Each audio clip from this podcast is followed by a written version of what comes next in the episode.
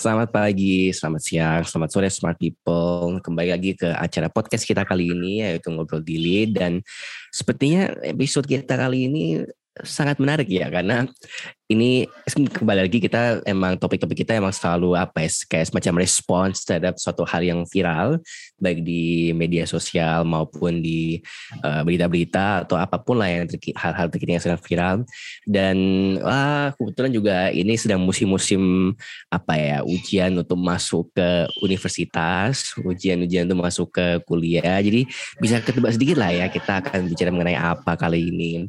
Um, ya kita akan bahas tentang yaitu kecurangan kecurangan kecurangan yang apa ya mungkin uh, terjadi ketika sedang uh, apa ya UTBK ini atau drama UTBK. Kalau sekarang namanya UTBK, Hanya. tapi kalau dulu kalau dulu namanya SBMPTN. Tapi pokoknya ini adalah ujian berbasis komputer untuk masuk ke kuliah.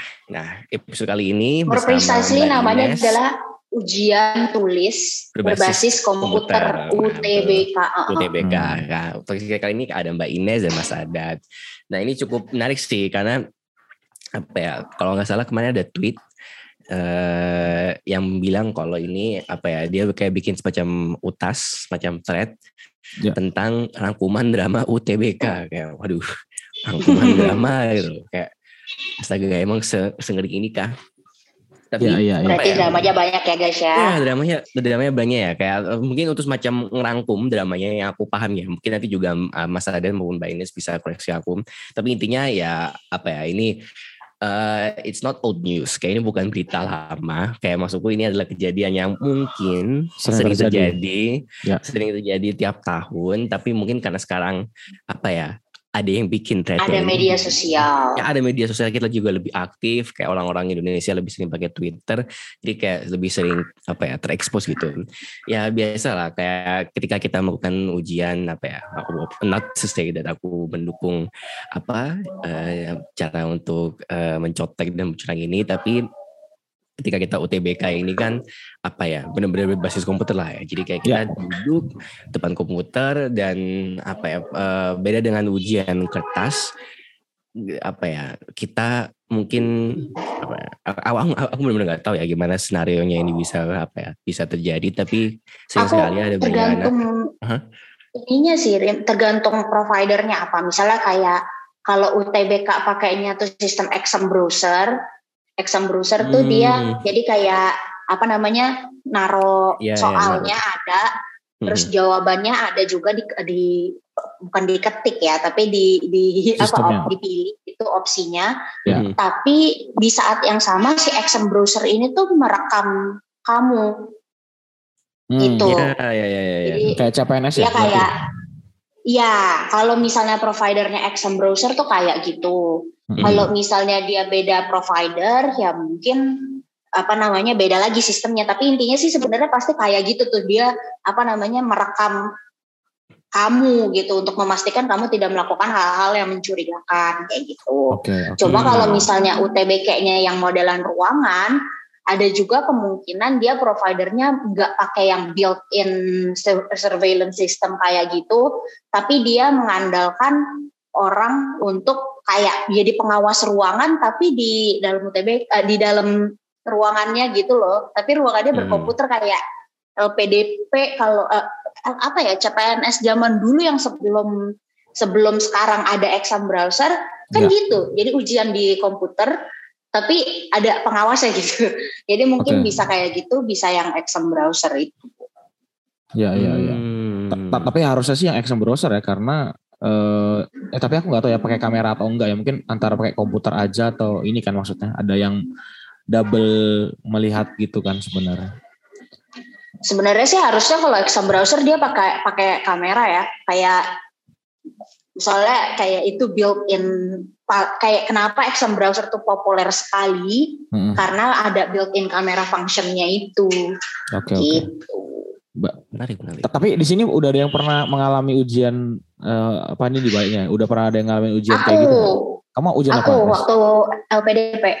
Nah, Karim pas masuk kuliah dulu belum kayak gitu ya? belum, belum. Aku, aku kan tulis tangan ya. Aku nggak pakai UTBK waktu itu. Aku itu loh yang apa ya? jalur undangan. Oh kamu undangan? Ih keren banget. Gak, gak, gak. Ya kayak lebih keren yang LPDP nya Mbak Ines deh. Itu tuh udah lama banget itu aku udah empat tahun lalu. A aku merasakan di uh, di tes CPNS jadi uh. jadi uh, kayaknya modelnya sama kayak yang Ines bilang tadi. Kayaknya kalau yang sekarang pemerintahan uh, pakai sistem kayak gitu semua deh. Standarnya gitu. Iya kayaknya dia exam browser ininya deh kayak vendor satu pintunya gitu Iya, tapi ya juga banyak sebenarnya menurutku banyak banyak celah sih bahkan di level untuk tes CPNS sendiri masih banyak celah. Kalau yang dari aku nggak tahu, uh, aku sempat baca sedikit kasusnya yang uh, terjadi itu uh, kan katanya mungkin Ines juga bisa menambahkan nanti katanya dia uh, apa ada orang yang melakukan uh, membantu melakukan kecurangan gitu ya dengan hmm. uh, masuk ke dalam ruangan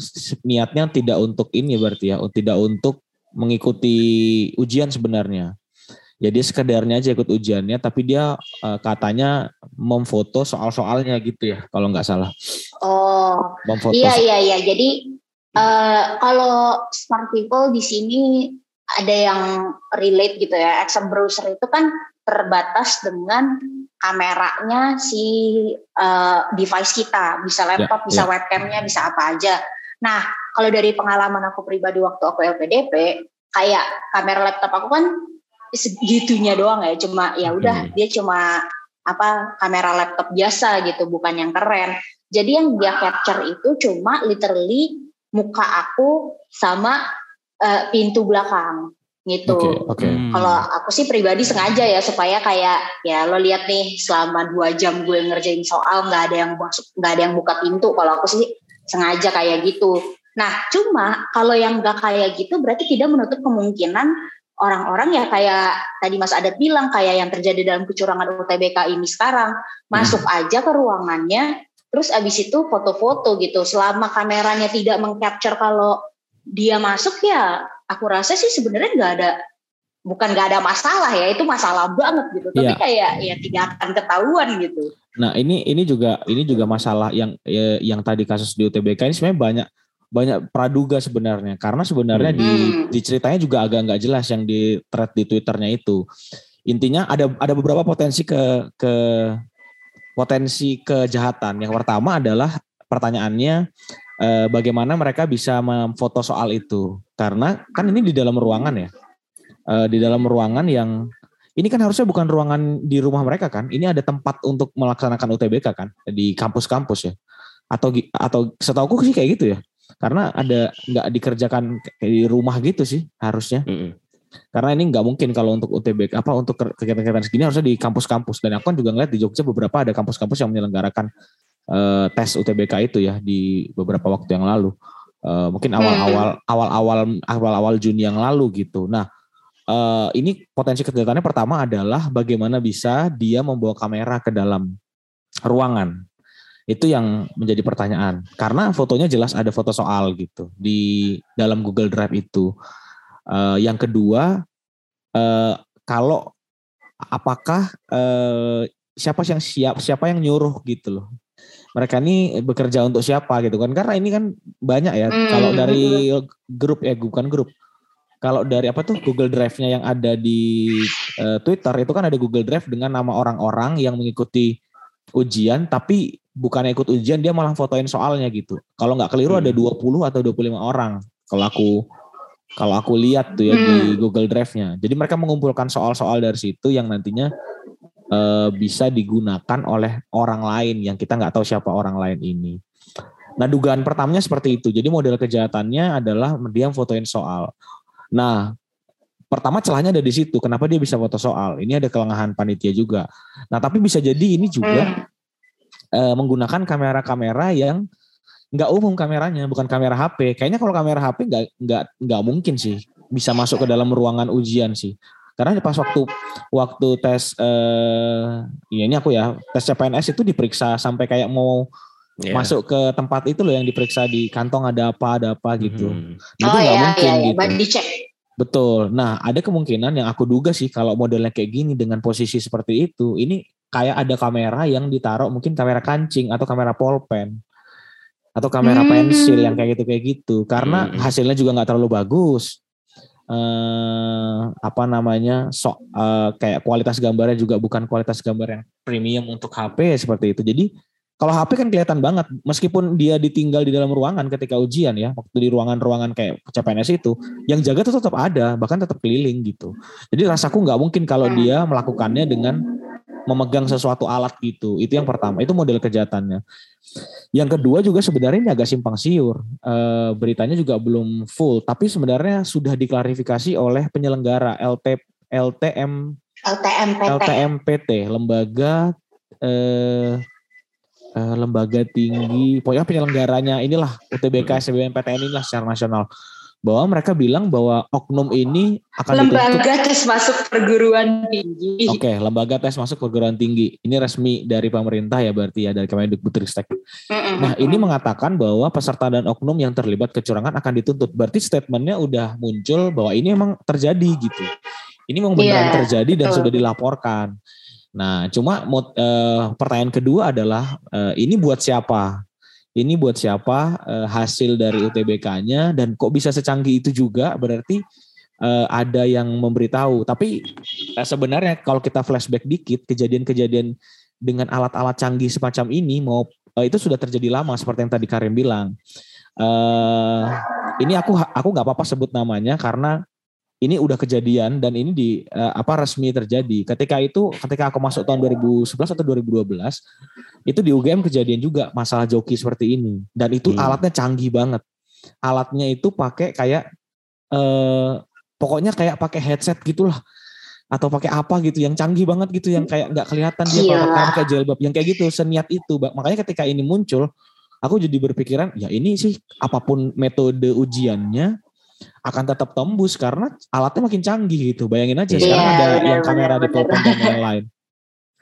Nah ini pun ini yeah, pun yeah, kejadian yeah. setiap tahun gitu ya. Nah ini eh, ini juga ini menjadi eh, diskusi yang menarik sebenarnya. Apakah sekarang pintaran manusia atau pintaran pintaran alat-alat ini gitu atau atau teknologinya gitu karena kan ini bisa diakalin terus dan ini kejadian setiap tahun loh selalu ada selalu ada joki-joki kayak gini lah ya modelnya macam-macam nggak yeah. cuma yang kayak nggak kayak yang kita uh, bahas sekarang. Nah menurut menurut teman-teman uh, kejadian kayak gini ini sebenarnya menghindarinya gimana ya untuk untuk di Indonesia gitu? Karena atau model tesnya apa harus diganti apa gitu kira-kira untuk ini kan juga soal fair fairness ya. Hmm. Uh, yeah, uh. Memang mungkin yang jokinya ketahuan, yang ngasih soal ketahuan. Tapi kan siapa pelak, siapa yang dijadikan, uh, siapa yang jadi cukongnya kan nggak ketahuan yang hmm. jadi ininya lah, yang yang menerima keuntungannya kan nggak ketahuan nih sampai sekarang. Nah itu kan susah dideteksi ya. Uh, yeah. Sebenarnya agak-agak agak kejahatan model kayak gini mungkin nanti Ines bisa menceritakan tuh gimana tuh uh, bisa terjadi seperti ini atau apa sih yang harus kita lakukan kalau misalnya hmm. seperti ini gitu. Apa yang terbaik untuk ujian-ujian di Indonesia? Kalau dari kasus itu. Oke, okay, kalau sebenarnya sih kalau dari pertanyaan gini deh, gini deh kayak kalau antara manusia sama teknologi pinteran siapa ya udah jelas pasti manusia karena kan teknologinya kan dipakai. Yang buat ya, iya betul. Itu. Uh, uh, terus jadi itu kayak ada nih satu satu hal yang selalu ditanamkan kepada aku sebagai seorang cyber kriminolog itu adalah ya. Apa pun yang terjadi kriminal tuh pasti akan tiga langkah di depan oleh karena okay. itu kalau di kriminologi penjahat tuh namanya bukan bukan criminals tapi criminal entrepreneur gitu. Okay. Karena mereka yeah, entrepreneur kejahatan gitu kan. Yeah, yeah, yeah. Apalagi dalam kasus-kasus seperti ini gitu di mana ya ladangnya tuh luar biasa gitu loh. Baik maupun internal dari internal penyelenggara atau eksternal gitu siapa pun itu misalnya lembaga-lembaga prepping test ya kan pasti kan untung banget tuh kalau dia punya kalau dia punya bank soal yang beneran kayak 100% akurat walaupun itu didapatkan dengan cara curang gitu ya.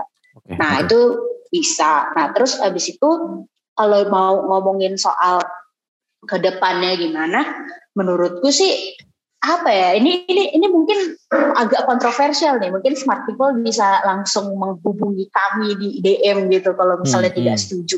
Tapi yeah, menurut yeah. aku untuk menghindari kecurangan seperti ini sebaiknya tuh model tesnya bukan standardized test lagi. Itu kayak jangan distandarisasi tesnya. Karena kalau di, makin terstandarisasi tuh kayak akan membuka peluang kecurangannya tuh lebih besar kalau menurut aku dibandingin kalau misalnya let's say kayak masing-masing institusi tuh punya tes sendiri gitu. Hmm. Kalau misalnya ya itu tapi membuka uh, peluang untuk kecurangan lainnya ya. Iya, iya. Tapi ya. kayak dia tidak akan semasif dan seterorganisir ini. Soalnya ini serem loh.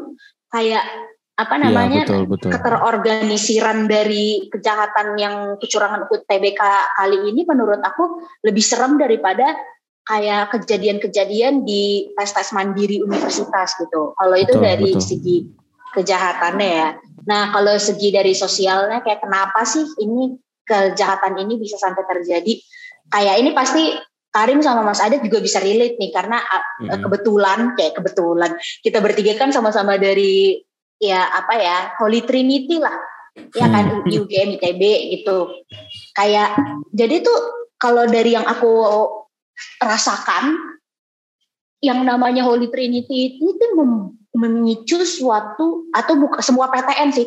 Itu tuh memicu suatu obsesi tidak sehat gitu loh di anak-anak SMA hmm. kayak harus kudu masuk PTN gitu.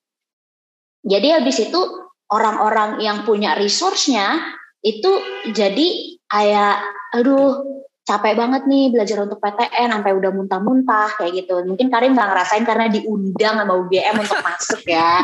Kayak yeah, yeah, yeah. tapi aku sih literally dulu muntah-muntah gitu loh belajar untuk masuk UI itu gitu. Terus untuk S2 karena dia S2 kan nggak tes ya teman-teman. Jadi yeah, yeah. ini juga perlu di note S2 tuh kayaknya cura, tingkat kecurangannya lebih rendah karena kita nggak yeah. ada standardized test gitu.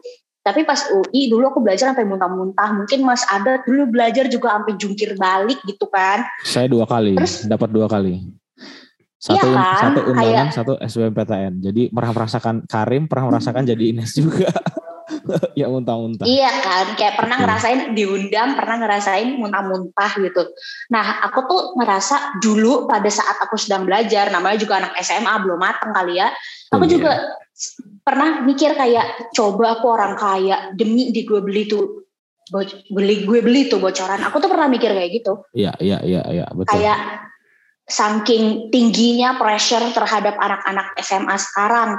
Terus kemudian tuh adanya medsos. Sumpah merasain gak sih? Aku tuh suka bersyukur banget aku sekarang udah lulus. Karena kalau aku sekarang ada di posisi anak-anak SMA itu dan aku ngeliat TikTok, aku ngeliat Instagram, aku ngeliat Twitter yang cerita-cerita sukses UTBK atau kayak dikasih lihat oh passing grade masuk UGM kemarin yeah. berapa sih sampai tembus 640-an kan ya oh, iya. UTBK-nya. Iya. Itu iya. Aku sampai kayak astagfirullahalazim itu kalau gue kayak ya, mustahil gimana sih gitu. Pressure-nya tinggi Makanya sekali ya.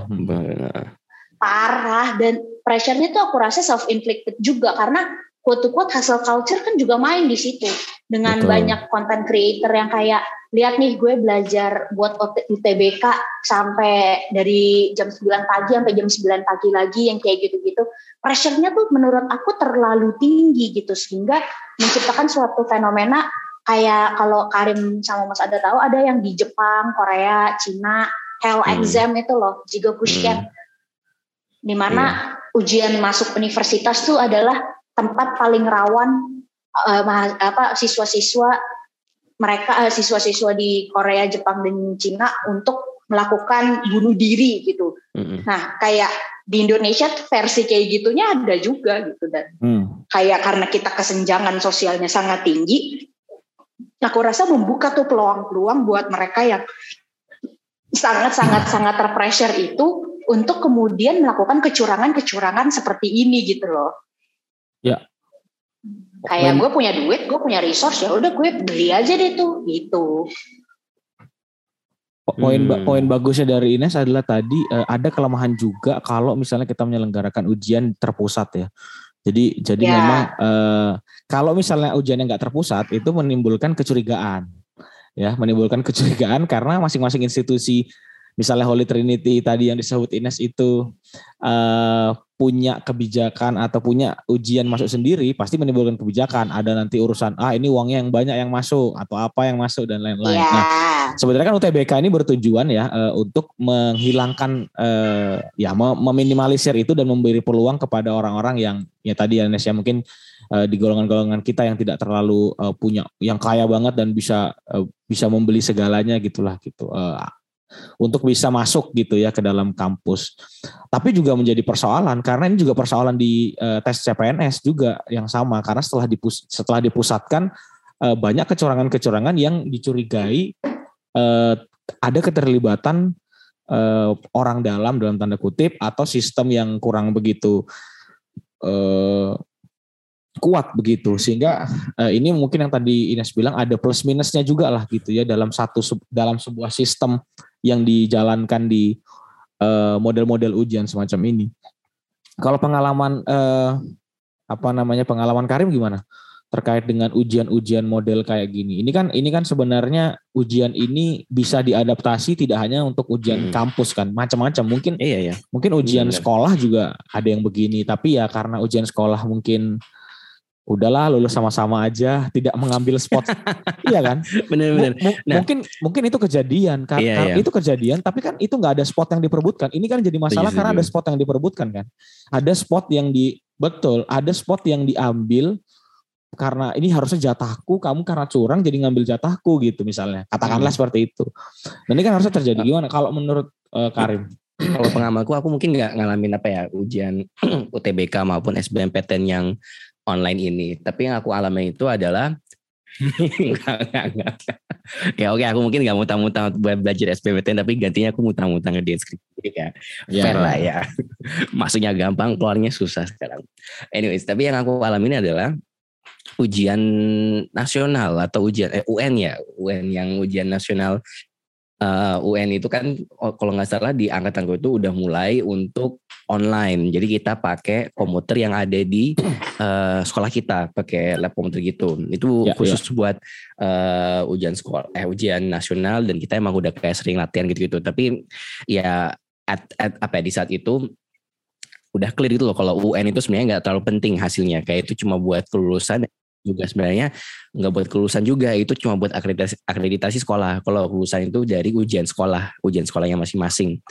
Jadi emang aku terlalu nggak terlalu apa ya nggak terlalu fokus kepada ujian nasional ini dan malah bahkan Nah kalau pengalamanku ya, kalau dari ujian sekolah, eh ujian nasional ini, aku nggak tahu apakah itu sama seperti SBMPTN maupun seperti CPNS sistemnya. Tapi kita emang nggak pakai on cam sih. Kita nggak pakai on cam, tapi kita cuma pakai uh, browser dan dia itu nge-link ke uh, website yang buat hosting soal-soalnya.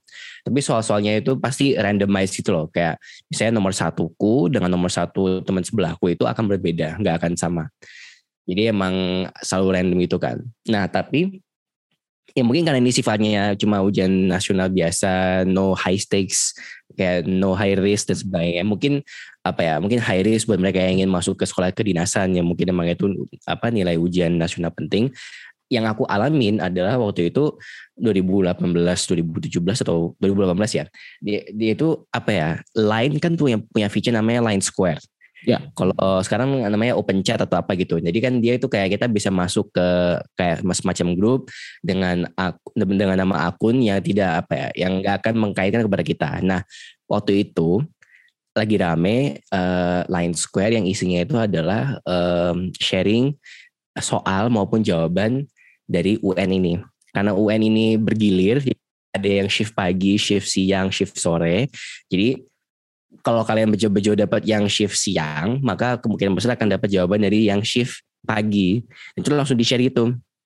Aku iseng-iseng aja nih kayak apa ya aku aku nggak nggak apa ya nggak ada niatan buat apa contek atau apa pun. Tapi aku iseng aja nih kayak ngeliat dari HP temanku yang kebetulan dia juga apa uh, masuk sana gitu.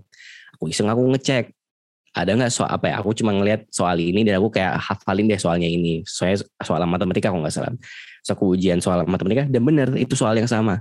Jadi itu dari aku nggak tahu dari anak mana kah pokoknya yang jelas dia lagi apa ujian shift yang pertama.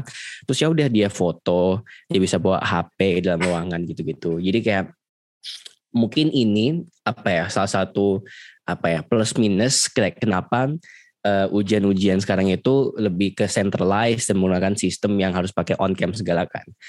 Karena buktinya kalau, mis kalau misalnya itu nggak centralized, kayak selain waktunya yang centralized dan soalnya centralized, itu mungkin yang besar terjadi untuk contek itu jauh lebih besar gitu loh. Ya the fact that yang centralized aja itu bisa terjadi apa kasus contek-contekan ini, bayangin aja kalau misalnya nggak centralized dan nggak harus pakai on cam segala. Ya. langsung langsung gercep itu loh semua jawab semua semua soal itu muncul mereka kemudian bahas bersama-sama di grupnya itu kira-kira jawabannya apa di saat yang sama kayak aku dilema kayak wah ini keren banget nih kayak teknik social movement yang kayak apa ya uh, bergabung jadi satu untuk suatu hmm. apa untuk mencapai suatu goal gitu loh. Tapi di saat yang sama goalnya itu salah. Karena itu untuk untuk contek kan. Untuk contek uh, ujian nasional knowledge loh. Kayak maksudku aku benar-benar gak peduli sama ujian nasional tuh loh. Kayak kalau nggak salah ya, ya. nilai UN ku tuh kayak cuma 31 apa 32 itu loh. Out of out of 40 apa? Iya itu tuh aku IPS ya kayak itu itu kalau buat IPS jelek. Kayak itu keep that in mind itu IPS tuh buat IPS tuh jelek gitu loh. Kayak temanku ada yang 38 lah 36 lah pokoknya dari, itu lah dari aku, dari 40 dari 40 ya? Dari 40 dari 40 itu. Oh itu ya bagus lah 8 masih bagus. Masih B itu. iya makanya aku aku sih aku juga jadi uas uas bener kan? Kayak it goes to show kayak itu emang nggak sepenting itu loh UN itu buat SMA gitu loh. Kayak mungkin itu penting banget waktu kita SMP nih karena mau masuk ke apa SMA kan. Dan aku nggak tahu apakah mungkin sekarang ini anak-anak SMP juga apa ya uh, karena ada high stakes yang untuk bisa masuk ke SMA yang bagus mereka juga pasti akan melakukan hal yang sama yaitu ya, buat ya, kayak ya. jejaring yang sistem sistem cetek mencetek gitu loh. Nah aku rasa jadi kayak mungkin apa ya perlu kita apa ya nggak apa-apa kita mungkin masih melakukan apa ya semacam ujian yang centralized tapi kayak mungkin jangan dijadikan high stakes gitu loh. Kayak misalnya SBMPTN ini SBMPTN ini kan apa ya cuma bisa dilakukan tiga kali. UTBK kerasa banget nih. Kerasa banget nih boomernya. UTBK ini kan cuma kalian bisa kerjakan tiga kali setelah kalian lulus SMA after that itu adalah harus cari jalur mandiri gitu loh ini kan high stakes gitu loh. Kayak jadi kan berarti kan berarti mau nggak mau kalian kalau udah lulus dari SMA, even if meskipun kalian nggak ada rencana mau kuliah, tapi kalau misalnya ingin ada options untuk bisa kuliah, tetap harus gaspol UTBK begitu habis selesai SMA gitu loh. Ya. Dan bahkan tuh persiapannya juga nggak setelah, setelah selesai SMA kan, persiapanmu itu adalah sebenarnya kamu mulai SMA kelas 3 gitu loh. Jadi persiapanmu itu adalah setahun untuk sebuah ujiannya kamu bisa cuma ulang tiga kali which in case tiga kali tiga tahun. Yeah. dan itu adalah yang menentukan kamu kuliah ke mana gitu loh. Skormu itu bisa menentukan kamu bisa masuk ke kuliah mana yang kamu pilih gitu loh. Dari options yang kamu pilih yang misalnya kayak uh, eh, HU UGM terus uh, hukum UGM kamu kira-kira butuh berapa ini? Kalau kalau kalau pengalamanku ya karena again aku nggak UTBK tapi pengalamanku tuh untuk tapi tapi pengalamanku untuk struggle untuk masuk UTBK itu untuk coba SNMPTN ya SBMPTN ya kalau dulu sebetulnya itu itu juga struggle. Kayak aku mau masuk HU game nih. HU game waktu itu passing grade-nya 50 itu passing grade-nya ya berarti kan butuh at least kayak 60 lah kalau bisa tembus. Ya. aku ikut aku ikut tryout aku cuma 30 max. Jadi kayak aduh ini gimana ini caranya jadi dari nilai tryout 30 untuk bisa jadi 60 itu gimana caranya? Minimal apa ya uh, dua, dua kali lipat kan? Sedangkan nilaiku cuma 30 SBMPTN itu kayak udah kayak dua bulan lagi terus kamu kayak bener-bener kayak aduh gimana ini gimana ini? Tapi alhamdulillah. Masuknya dari jalan yang lain. Oke okay, ya, itu ya. tuh tapi kan nggak semua orang kayak gitu kan? Itu loh yang maksudku So betul, I get betul. that gitu loh. Nggak, nggak semua orang itu mengalami hmm,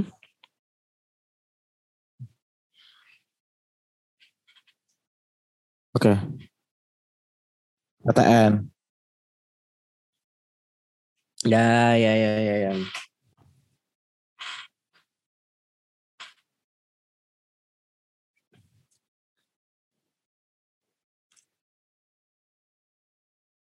Wow.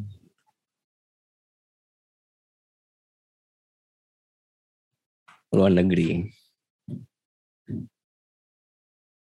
Iya sama kerennya ya ya.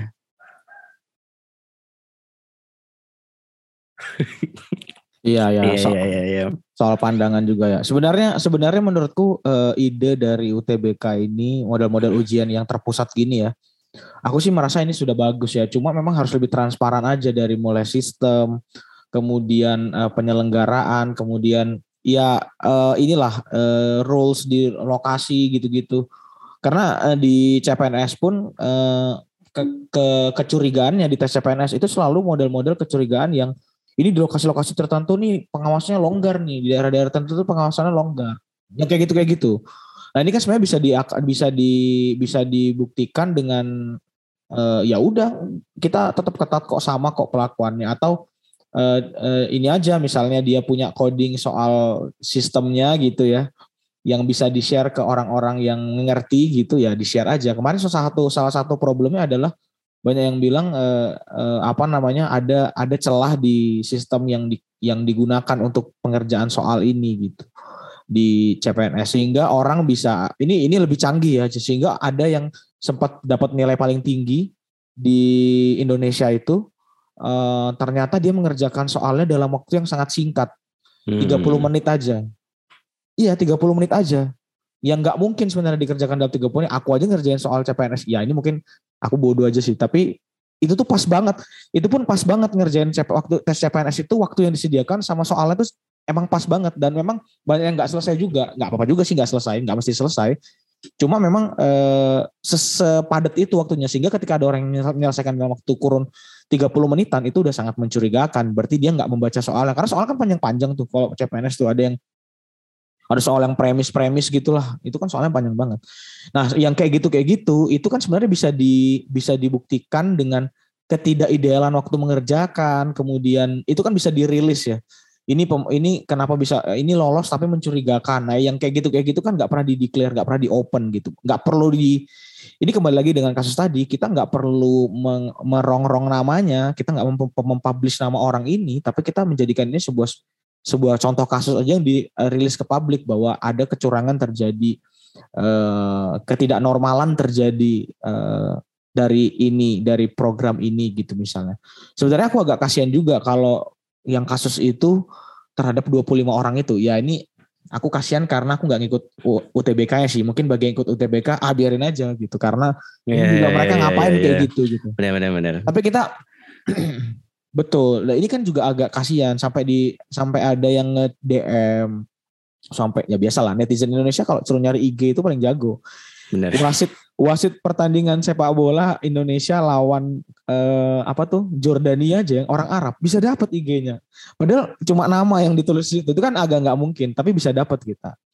Eh, jadi maksudku eh, kejadian-kejadian semacam ini itu kan melibatkan personal-personal juga yang memang akhirnya kembali lagi kita ke bahasan kita yang paling-paling awal dulu soal doxing kejahatan apa pun itu sebenarnya tidak berhak untuk didoxing ya. Tidak tidak tidak ada ya, hak kita ya. untuk melakukan doxing gitu. Karena ya biarkan aja institusi yang me, menyelesaikan ini gitu. Kalau institusi yang nggak dipercaya ya terus saja kita push gitu institusinya sampai bagaimana biar uh, eh, UTBK ini menjadi salah satu ujian yang bisa uh, apa ya validasi atau legitimasinya diakui oleh Eh, orang-orang uh, gitu. Karena ini kan sebenarnya juga bagus ya karena memberikan kesetaraan juga lah untuk orang-orang bisa ikut uh, apa namanya?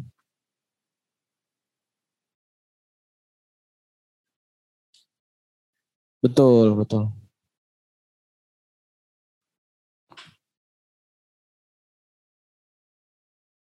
Ya. Mm -hmm.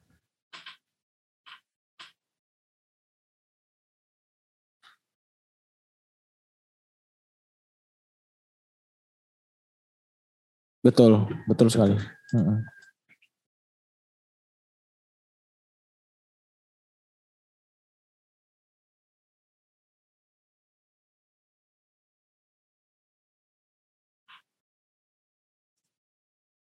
Betul.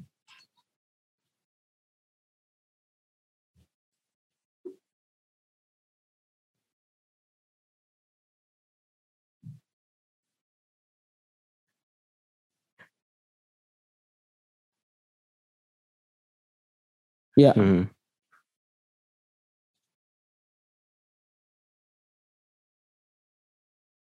Yeah. Nah, itu dia poinnya.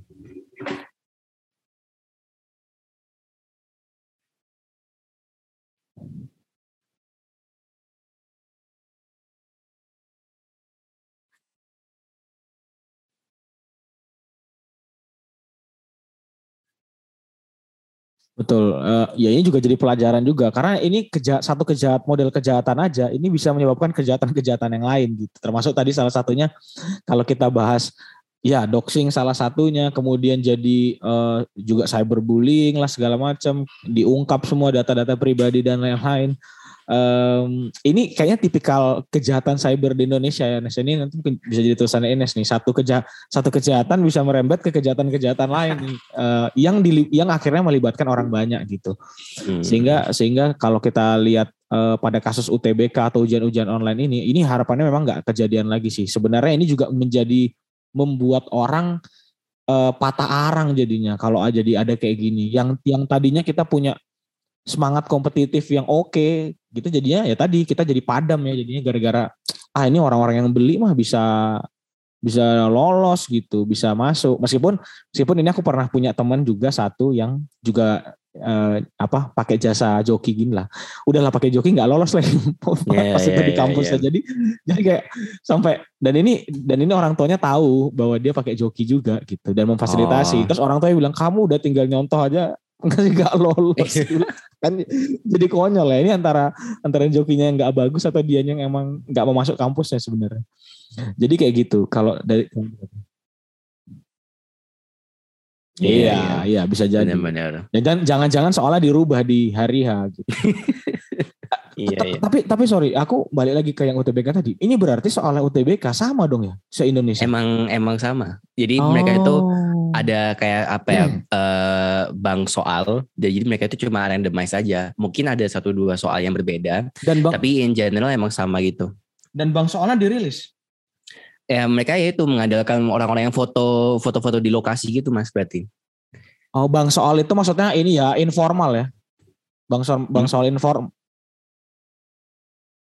oh Ya. Hmm. Oh, hmm. oke. Okay. Tapi mungkin beda. Hmm.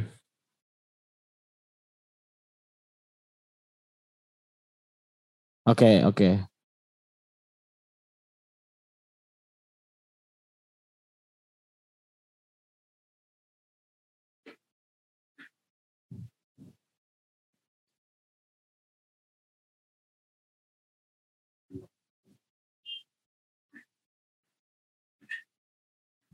Oke. Okay. Iya. Oke, okay, oke. Okay.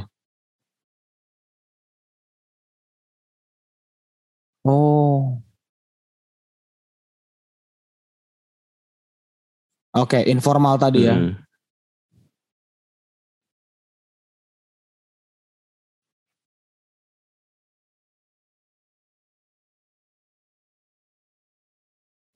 Oke, berarti sorry, aku aku aku jadi baru tahu nih kalau kayak gini. Jadi berarti sok ada bang sok ini bang soal atau kisi-kisi nih yang dari LFP PMT-nya? Mereka mungkin ngeluarin ya. Yeah. Jadi jadi eh. udah. Uh -uh. Mm -hmm. Ya, ya, ya. Mereka punya bank soal. Mm. Berarti ini bank soalnya nggak. Oke, oke paham. Oke, nggak dirilis. Rahasia negara. Iya. Oke okay, oke. Okay. Sama kayak UN ya berarti ya. Iya iya. Jadi Oke okay, oke okay. aku aku paham aku paham sekarang. Keluar soalnya itu ya ketika mereka sedang ujiannya itu. Jadi mereka iya. baru tahu so, aku, aku tadi ngiranya apa. aku tadi ngiranya uh, eh, LTPMT mengeluarkan uh, bank soal resmi gitu. Jadi oh, kayak kalau kayak gitu nggak belajar dong orang-orang ini cuma ngapalin kisi -kisi aja. Gitu. paling. Oke oke oke. Suka ada kalau di UN sorry. suka ada kayak kisi-kisi gitu. Dan mereka bisa kayak okay, apa ya, okay, petain okay. kayak misalnya Ber 10 soal pertama matematika tentang apa gitu-gitu. Jadi Betul, kayak berarti, berarti polanya ini, gitu. Berarti ini bank soal yang yang dalam tanda kutip curangnya memang dibuat secara informal ya, ya. oleh orang-orang yang tadi diduga diduga ya sekali lagi diduga 25 orang yang uh, terlibat itu. Ini kan hmm. sebenarnya juga uh, ini juga masih simpang siur. Ini masih belum tentu juga kalau lembaganya sih bilang itu kejadian, tapi belum ada bukti yang mengarah ke sana. Mungkin juga karena tidak mau men, menambah beban orang anak-anak ini ya. Jadi tidak betul tidak dibahas. Menurutku juga salah satu tindakan yang bagus. Jadi diselesaikan di ini aja. Tapi menurutku statementnya harus lebih kuat bahwa eh, ada beberapa orang yang ada beberapa orang yang dibatalkan kepesertaannya misalnya. Itu menurutku harus di statement gitu. Ya orang lah kalau dia bilang 25 orang kan berarti 25 25 yang ada di itu kan beneran itu terjadi. Siapa tahu lebih banyak lagi yang ditangkap sama uh, panitia gitu sehingga ini membuat efek lega juga buat peserta-peserta karena pengumumannya besok. Pengumuman uh, ujiannya besok sehingga besok kita akan menyaksikan TikTok orang-orang menangis dan juga uh, bahagia karena banyak yeah, diterima yeah. di kampus-kampus uh, kampus-kampus oke okay, gitu. Ini juga fenomena yang yang mendorong ini. Iya, ini salah satu fenomena yang mendorong kenapa jadi sangat tense juga ya persaingannya dan nggak terima akhirnya kalau ada kayak gini. Kayaknya dulu zamanku sih kalau ada kayak gini ya udahlah gitu. Beberapa aku juga kayak ya udahlah. Ya mau yeah, apa yeah, lagi? bener. kita nggak bisa kalau sekarang kayaknya nggak nggak karena udah ada media sosial juga untuk me, untuk renting gitu ya untuk untuk untuk apa spill apa segala macam. Jadi kayaknya ada wadah juga ya sekarang untuk orang-orang untuk nggak terima gitu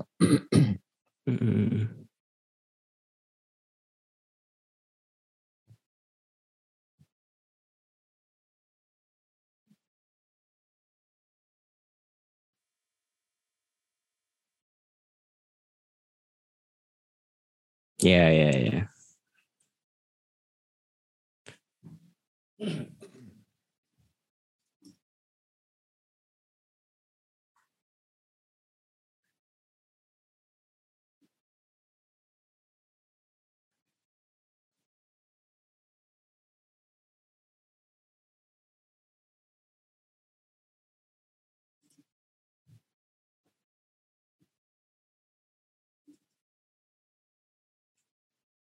Oke. Kasihan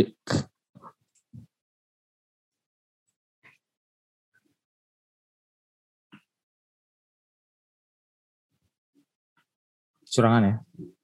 Oh ya, sedang berjuang. Oke, oke, oke, oke.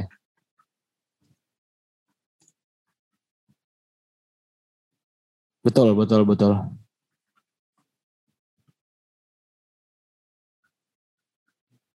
Ya, ya, ya, setuju mungkin kita nggak tahu ya uh, apa yang terjadi dengan orang-orang ini gitu. Tapi ya ke, kegiat kegiatannya uh, ini mungkin untuk yang terdampak juga ya dari kasus ini juga kita nggak pernah tahu apa yang ter, terjadi di belakangnya. Tapi ini memang kegiatan atau uh, tindakan yang sebenarnya nggak boleh dilakukan kalau betulan memang terjadi.